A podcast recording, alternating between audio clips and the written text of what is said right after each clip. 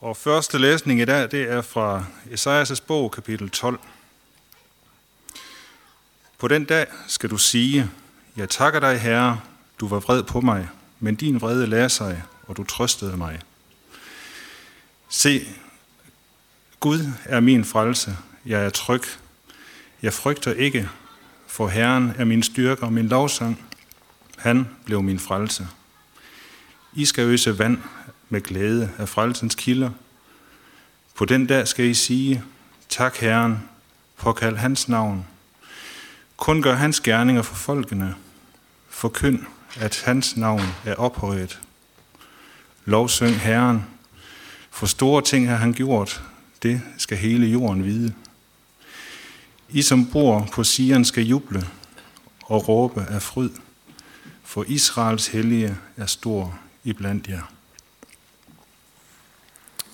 Tak for det, Bjørne. Jeg ved ikke, om øh, I har lagt mærke til det, men øh, ude i vores foyer, øh, hvor I kom ind, der hænger sådan nogle broderede skriftsteder øh, fra Bibelen. Øh, og der er også nogle øh, vers fra salmebogen, og der er også nogle sætninger fra Luthers lille katekismus. Og øh, hvis I ikke har lagt mærke til det, så skal I lige gå ud og, øh, og se dem, når gudstjenesten er slut. Øh, på en af dem, og øh, den kan I se heroppe, der står der med sådan nogle flotte gotiske bogstaver, I skulle drage vand med glæde af frelsens kilder. Øhm, det er en af dem, der hænger derude. Og øh, det er faktisk taget fra den tekst, som Bjarne han lige har, har læst for os. Øhm, og øh, kommer fra dagens GT-læsning. I skal øse vand med glæde af frelsens kilder. Det var der nogen, der havde tænkt, det var vigtigt at hænge i sit hjem engang. Det skriftsted. Det er en god påmindelse. Det er en god påmindelse om, øh, især sådan lige inden man skal i gang med en prædiken. Der er nogle steder, nogle kilder, øh, som Guds ord siger, at vi skal øse vand fra. Lidt ligesom en brønd. Så hvis du kaster din spand ned i brønden og hiver den op, øh, så skal du finde livgivende vand. Frelsende vand. Og gudstjenesten er sådan et sted. Et sted, hvor du kan slukke din åndelige tørst. Et sted, hvor du kan øse vand af frelsens kilder. Der er også andre steder, men det her det er et af de steder, der er. Og det skal vi gøre nu sammen. Vi skal fortsætte med at, at øse vand af frelsens kilder ved at læse øh, fra Johannes evangelie kapitel 3. Og det lyder sådan her. Nu kom Johannes døberens disciple i diskussion med en jøde om renselse. Og de gik hen til Johannes og sagde, Rabbi, han som var hos dig på den anden side af Jordan, han som du har vidne om, han døber nu selv, og alle kommer til ham. Det er Jesus, de snakker om. Johannes døberen svarede, et menneske kan ikke tage noget som helst, uden at have fået det givet fra himlen. I kan selv bevidne, at jeg sagde, jeg er ikke Kristus, men jeg er udsendt forud for ham. Den, der har bruden, er brudgom, men brudgommens ven, som står og lytter efter ham, fyldes med glæde, når han hører brudgommen komme. Det er min glæde, og den er nu fuldkommen. Han skal blive større, og jeg skal blive mindre. Og så fortsatte Johannes lidt endnu. Den, der kommer ovenfra, er over alle. Den, der er af jorden, er jordisk og taler jordisk. Den, der kommer fra himlen, er over alle. Hvad han har set og hørt, det vidner han om. Og ingen tager imod hans vidnesbyrd. Den, der har taget imod hans vidnesbyrd, har dermed bekræftet, at Gud er sandro. For han, som Gud har udsendt, taler Guds ord. Gud giver jo ikke ånden efter mål.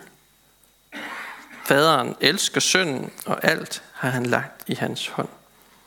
Den, der tror på sønnen, har evigt liv, den, der er ulydig mod synden, skal ikke se livet, men Guds vrede bliver over ham. Det er Guds ord til os i dag. Lad os lige bede en kort bøn. Helligånd, jeg beder dig om, at du nu må, øh, må lade os øse vand af dine kilder. Lad os øh, drikke og læskes af dit ord. Amen. Det første, jeg tænkte på, da jeg øh, læste den her tekst i min forberedelse, det var, hvad i alverden har det her med jul at gøre? Og øh, det har faktisk noget med jul at gøre, og adventstiden. Og det skal vi se lidt nærmere på nu. To af øh, Johannes Døberens disciple øh, kommer sådan lidt frustreret øh, hen til ham og spørger, om det ikke er et problem, at det går så godt for ham, Jesus. Han er begyndt at døbe, og det var ligesom, det var ligesom deres ting. Øhm, og alle kommer nu for at høre Jesus, i stedet for dem. Det er som om, at øh, de aktier, de her to disciple har sat sig på, de er sådan dalet lidt i værdi, hvorimod de andres aktier, de bare stiger og stiger, og det vækker noget misundelse i de her to. For dem, der var Johannes Døberen den helt store stjerne. Det var ham, som øh, han var super populær. Folk, alle folke, slags folk kom ud til Johannes Døberen for at blive døbt af ham. Øhm, han var en kendis, kunne vi godt sige. Øhm, en, man lyttede opmærksom til og var interesseret i. Han var lidt en stjerne. Og de her to disciples reaktion, de afslører sådan en meget almindelig og en sådan øh, naturlig øh, tendens i os mennesker, en tilbøjelighed.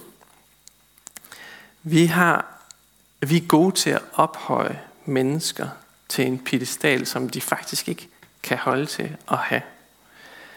Øhm, vi ser det i, i en hel del idoldyrkelse i vores samfund. Det kan være i populær musikkultur, eller øh, Øh, sportsverden, eller politikere, eller andre kendiser. Vi kan godt lide at gøre dem til idoler.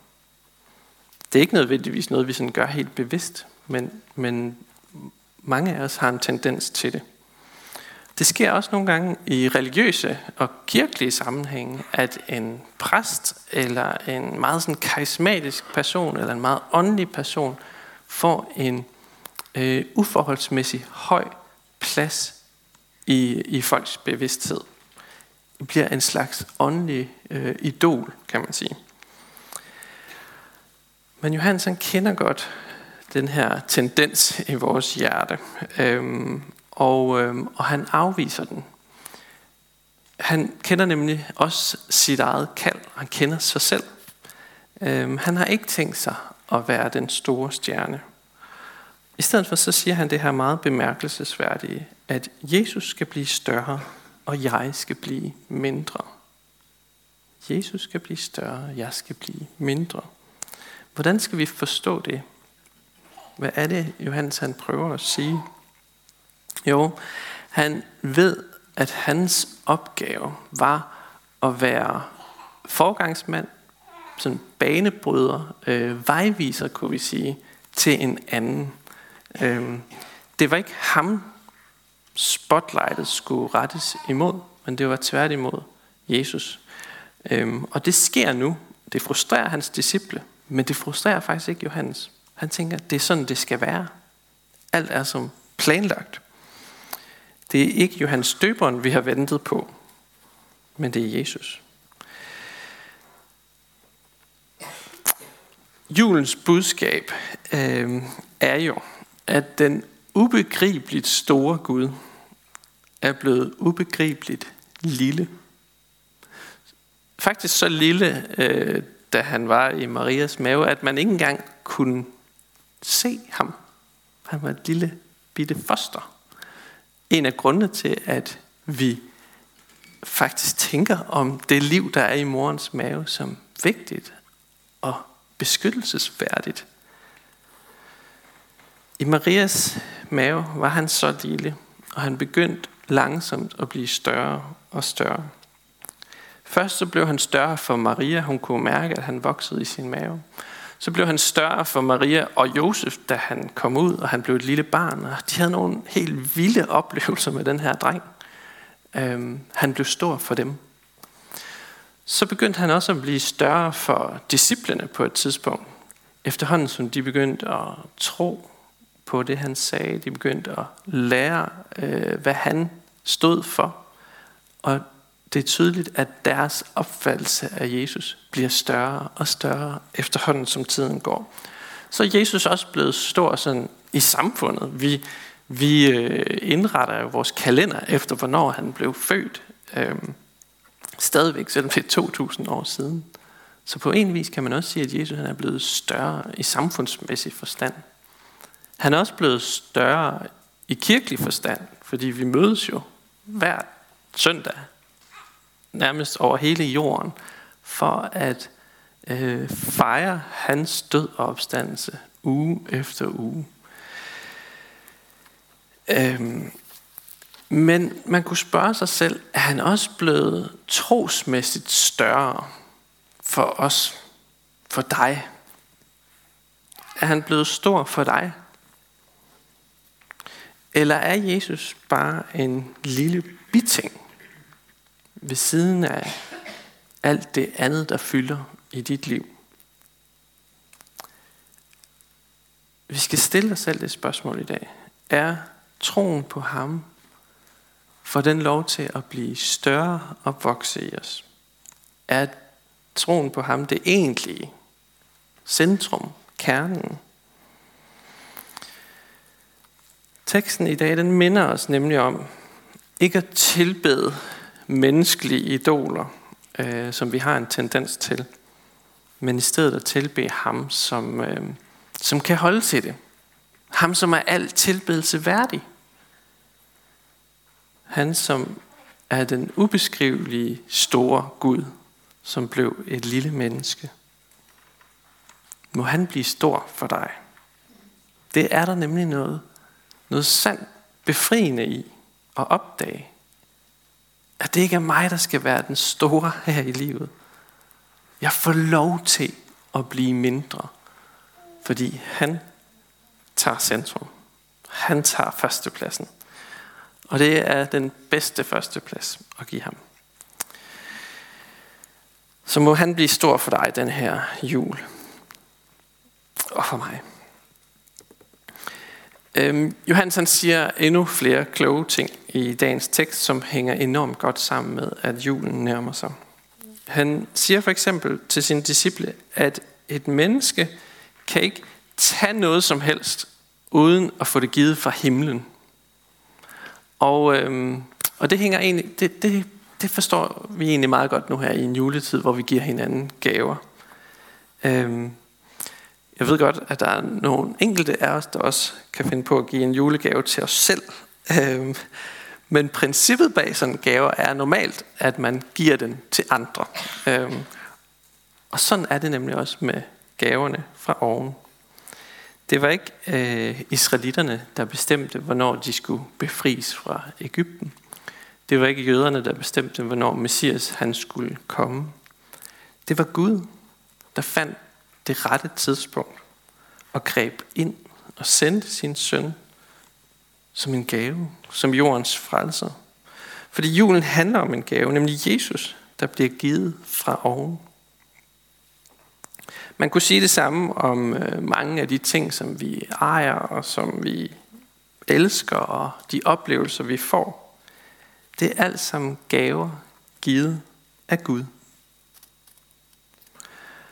Og det er måske lidt et skift i mindset, hvis man altid har set tilværelsen som noget, man har kæmpet sig til. Hvis man ser tilværelsen som noget, man skal kæmpe sig til, så er det at se alle ting som en gave et nyt mindset. Øhm, men dybest set, hvis vi tænker efter, så er livet, kærligheden, glæden, livsgejsten, livsånden, det er noget, vi tager imod fra Gud. Vi kan, ikke, vi kan ikke tage livet selv, men vi kan få det givet. Og det er godt at minde os selv om det i en juletid, der godt kan blive lidt materialistisk. Vi har nemlig en, alle sammen en masse at sige Gud tak for, og være dybt taknemmelige for. Vi kan ikke tage noget selv, men vi kan få det givet. Det næste, øh, jeg blev mærke i, øh, var det Johannes han sagde om en brud og en brudgom. Øhm, jeg var så heldig i den her uge, at jeg fik en invitation til et bryllup. Det sker faktisk ikke øh, ret tit, men det passede meget godt med den her tekst. Og jeg blev bare rigtig glad for at blive inviteret til bryllup. Øhm, det er nemlig ikke kun brudgommen og bruden, der er glade, når de skal giftes. Jeg glæder mig til at se min ven blive gift. Der er altså en, en glæde, der grunder sig i noget, der sker på en andens vegne. Jeg glæder mig, fordi min ven glæder sig. Og det er det billede, Johannes døberen han bruger til at forklare det med, at Jesus skal blive større, og han selv skal blive mindre. Johannes, han øh, glæder sig ikke over, at han skal giftes, kan man sige, hvis vi skal blive i billedet. Men han glæder sig over, at hans ven skal. Og det er en glæde, der er, er lige så virkelig og reel og rigtig og god. Johannes kalder det faktisk en fuldkommen glæde. Og det er fordi Jesus er kommet for at forløse Israel og frelse jorden. Så kan man spørge sig selv, hvorfor, skal, hvorfor står brudgommen, øh, brudgommens ven, øh, der står, at han står og lytter til, at brudgommen skal komme. Øh, I Danmark, der er det jo ofte bruden, man venter på. Det er bruden, der er den sidste, der ankommer til, til hvilesen. Øh, men i en jødisk sammenhæng, der er det faktisk lige omvendt. der er det brudgommen, der er den sidste den der sidst ankommer til festen, ankommer hjem til øh, brudens forældre for at hente hende hjem til sig.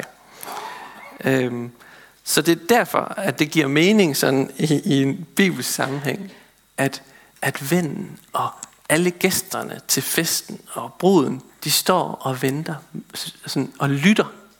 Hvornår kommer bruden? Og så kan I godt høre, så giver det faktisk meget god mening, at denne her tekst er en, en adventstekst. Fordi den handler om, at vi står og lytter med spænding på, hvornår kommer Messias? Er det nu? Er det nu? Ja, det er nu. Øhm, og så bliver så den her brudgommens ven, han bliver bare super glad. En fuldkommen glæde. Det synes jeg er et, det giver bare mega god mening. Øhm, og især her i adventstiden.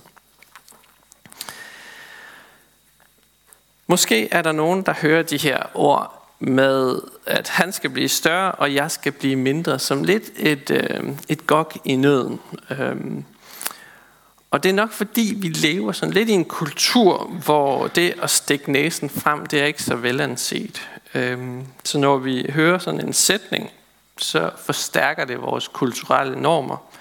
Øhm, så, så vi sådan tænker, åh, oh, jeg skal, jeg må faktisk ikke rigtig have nogen betydning, eller jeg må faktisk ikke rigtig være vigtig. Øh, og det kan godt føre til sådan lidt et negativt selvbillede, hvor hvor man aldrig synes, man er god nok. Fordi det er det, Bibelen siger. Men det er det bare ikke. Øh, og det skal vi lige sådan huske her til allersidst. Øh, det er ikke sådan, vi skal høre dagens evangelium. Det er ikke et forsøg på at tage vores selvtillid og selvværd ud af os. Nej, pointen er, at Jesus han må blive større, fordi han er langt større end os. Mennesket har en grundlæggende værdi i den kristne trosverden. Vi har værdi lige fra undfangelsen af. Og her, i den her sammenhæng, så er pointen, at Jesus fortsat må blive større og vokse i os. Ikke at vi skal øh, bebrejde os selv, eller, øh, eller være helt selvudslættende. Men vi skal glæde os vi skal glæde os over, at nu er Jesus endelig kommet. Det var det, som det jødiske folk havde ventet på i 400 år. Det må have været så vildt, da det så endelig skete. En fuldkommen glæde beskriver Johannes det som. Så vi må konstant øse vand fra Guds kilder. For han er værdig til at blive ophøjet. Han kan bære vores øh, tilbedelse og lovsang. Han er, han er stor nok til at blive, blive dyrket. Øh, det han tilbyder er nemlig langt større end det, som noget menneske kan tilbyde. Øh, om det er politisk, eller kunstnerisk, eller sportsligt, så kan han bare noget i en helt anden liga. Og det er derfor, at vi kan tilbede ham. Og det er derfor, at han skal være større end os. Øhm, Jesus lader os øse af frelsens kilder, hans død og opstandelse, hans tilgivelse og forsoning. Og det er stort, og det er værd at vente på, og det er værd at opgive alt andet for. Lad os bede sammen. Jesus, vi takker dig for, at du, som er ubeskriveligt stor, blev ubeskriveligt lille. Jeg beder dig blive stor i os denne jul, og mind os til stadighed om din frelse. Vi takker dig for menigheden og beder dig styrke os i indbyrdes kærlighed og udruste os med nådegaver til fælles gavn og opbyggelse. Og lær os at række ud over egne behov. Vi beder dig for menighedens børn, både de fødte og de ufødte. Beskyt du dem og lad dem få lov til at vokse op i troen på dig. Vi beder for menighedens konfirmander og unge, for deres liv og vækst i troen. Vi beder dig for ægteskabet og dem, der lever alene. Giv os din kraft til at leve efter din vilje. Vi beder dig for skærn, by og omegn, at du, Jesus, må blive kendt, troet, elsket og efterfulgt.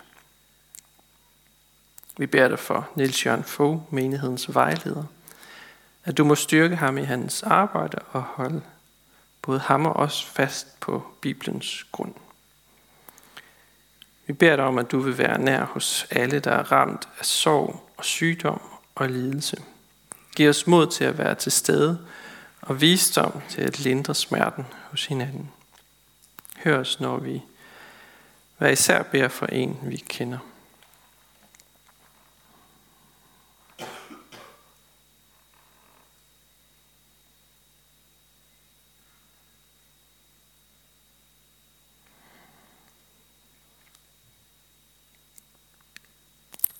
Vi vil særligt bede dig, Gud, øh, om fortsat at holde øh, samfundet åbent, så vi kan få lov til at holde Guds tjeneste og, øh, og meget andet. Jeg beder dig om, at du må lade øh, smitten aftage i vores land, og vi må blive øh, fri for det.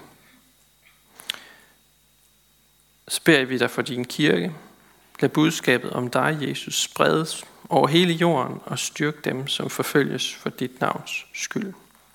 Vi beder dig for vores folk, for alle dem, der er blevet betroet magt og autoritet. Hjælp dem og os til at værne hinanden mod uret og vold, og kom så snart, Jesus, og gør alting nyt. Amen.